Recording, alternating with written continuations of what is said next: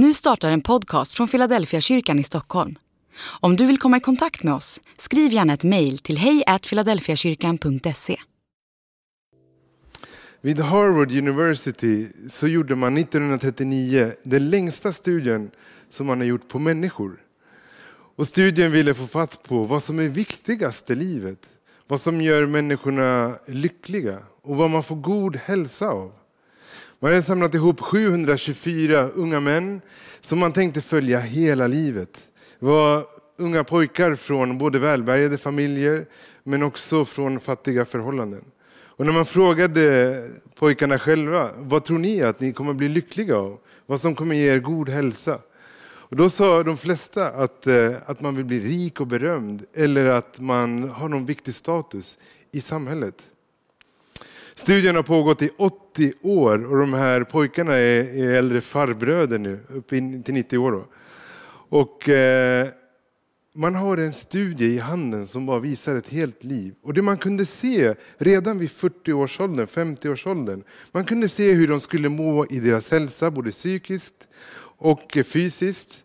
Man hade koll på deras läkarbesök, deras familjerelationer, hur det gick i arbetslivet. Men ett mönster såg man, att hur det skulle gå för dem när de skulle bli äldre. Och det handlade inte om hur mycket pengar de hade på kontot, eller vilken status de hade i samhället, eller om de var rika eller berömda. Utan det handlade bara om en enda sak. Vilka relationer de hade runt omkring sig. Robert Weldinger som håller i den här studien idag kan summera hela studien så här. Att goda relationer gör oss både lyckligare och mer friskare. Den här frågan verkar finnas i Nya Testamentet också. Det verkar som att när Jesus möter människor på olika håll i evangelierna så kommer de fram till Jesus och frågar dem hur ska vi få det eviga livet eller liv i evighet? Och då är det inte samma fokus som man tänker idag kanske, att livet efter döden. Man hade en annan syn och se på det eviga livet. Ett liv av substans, ett kvalitativt liv som har eviga värden. En sån man möter vi i Lukas evangeliet. Vi kan läsa Lukas 10 och 25. Så här står det. En laglärd som ville sätta honom på prov, alltså Jesus, reste sig och sa Mästare, vad ska jag göra för att vinna evigt liv? Jesus sa, vad står det i lagen? Hur lyder orden? Han sa, du ska älska Herren din Gud av hela ditt hjärta, med hela din själ och av hela din kraft och av hela ditt förstånd och din nästa som dig själv. Jesus svarade, det är rätt. Gör det så får du leva.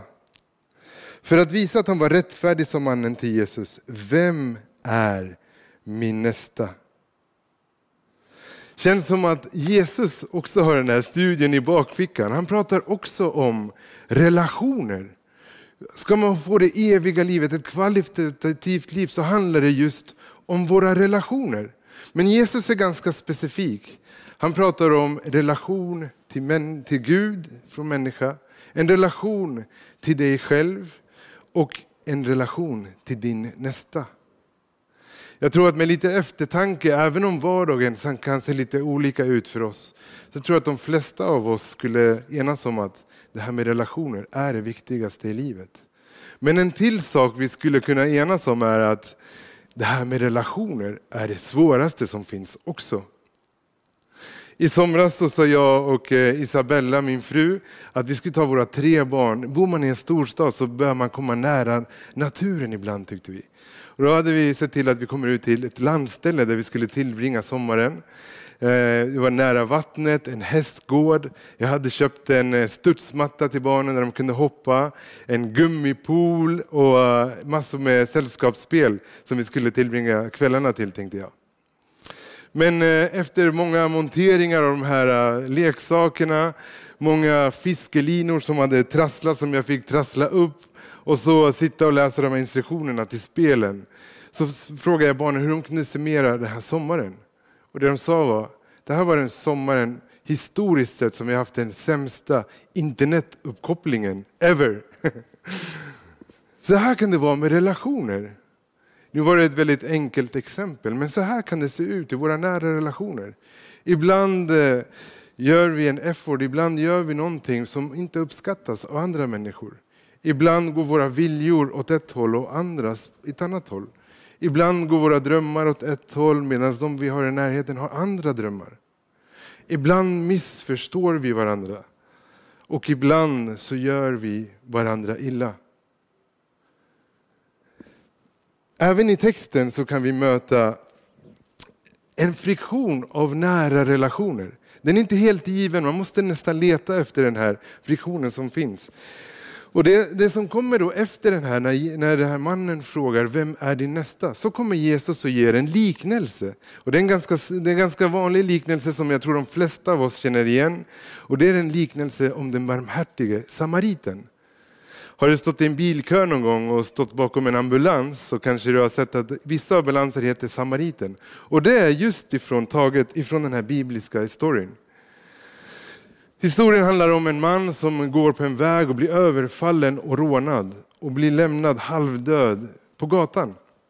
Förbi kommer en präst först och sen en levit och båda var gudsmän och hade tjänstgöring i templet. Men de går bara förbi. Och så kommer då den här barmhärtige samariten. Han ser honom, han stannar upp och så gör han, han ger honom omsorg. Han sätter in honom på ett härberge och så betalar han för hans sjukvård. Att säga att en, en samarit är barmhärtig klingar gott i våra öron. Men det klingade inte lika gott eller lika bra för en med judisk härkomst under Jesus tid. Att den här laglärde uppfattade det som att det här var en bra sak. Jag tror inte att det var så. Man kan märka att det är en friktion mellan samarier, samariter och det judiska folket. I Johannes evangeliet till exempel, när, när Jesus möter kvinnan vid brunnen, så frågar hon, varför pratar du med mig som är jude? Jag är samarit. Det verkar som att de inte tycker om varandra. Sanningen är att de hatade varandra. Och frågan är varför? De var ju ganska lika varandra. De hade en gud som de tillbad, de hade samma skrifter och de firade ungefär samma högtider. Sanningen är att samariterna och det judiska folket en gång var, tillhörde samma familj. Så när Gud säger att du ska älska din näste så handlar det om människor i din närhet. Det är just de i vår närhet som kan såra oss. Det är sällan en främling kan såra dig. En främling kan göra dig stressad eller att du kan bli arg. Men det är de som du har släppt in här inne som faktiskt kan såra dig, som faktiskt kan göra illa dig. Det är de som vi har i vår närhet. Och det är just i de nära relationerna som det kan vara som svårast. Vad är då lösningen till, till det här hur man ska lyckas och hur man ska ta de här besluten?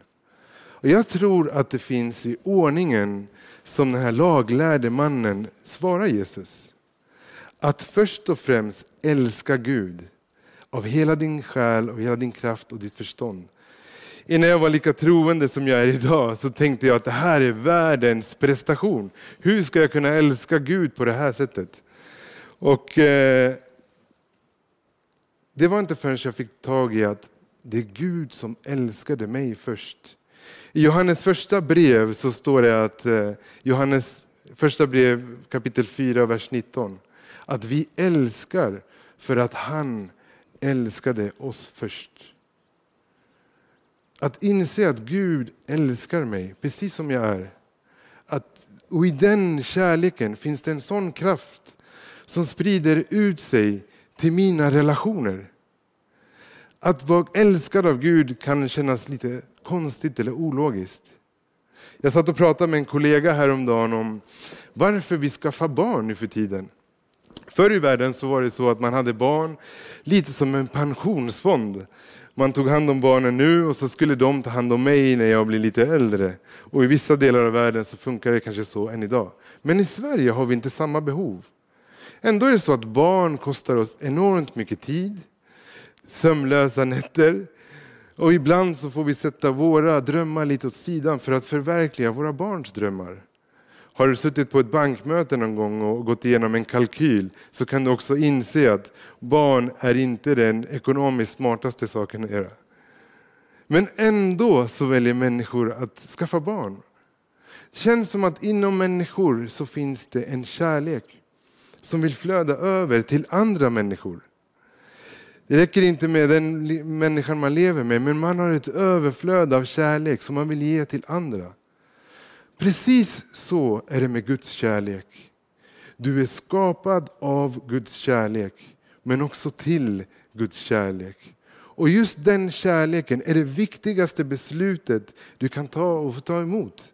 För den kommer påverka dig, du kommer få en annan blick på dig själv. Du kommer få en annan identitet. Och det kommer också påverka våra relationer. Jag vet att man kan ta emot den här kärleken när livet är som en berg och dalbana. Ibland är det upp och ibland är det nedförsbacke. Man kan möta Gud i alla de här situationerna. Jag själv fick möta Gud när jag faktiskt var i en dal. När jag kände att livet hade misshandlat mig och rånat mig på det som var jag. Och när jag var där nere, ja, men då såg Jesus mig. Han såg mig och han stannade upp. Och så tog han hand om mig, han plåstrade om mig och så fick jag en ny identitet. En som han själv hade betalat för.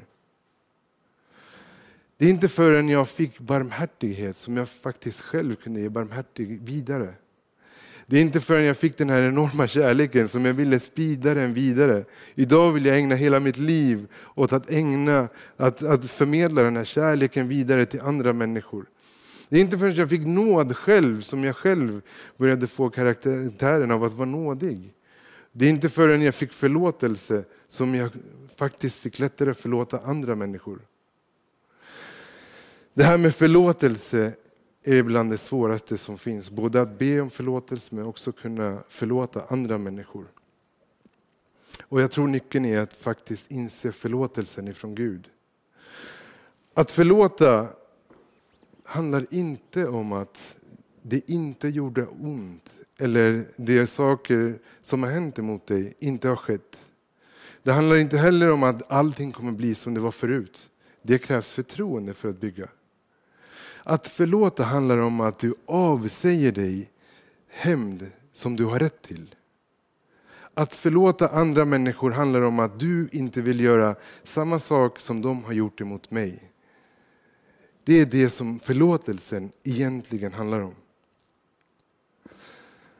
Idag kommer vi avsluta vår serie som handlar om att ta rätt beslut i rätt tid.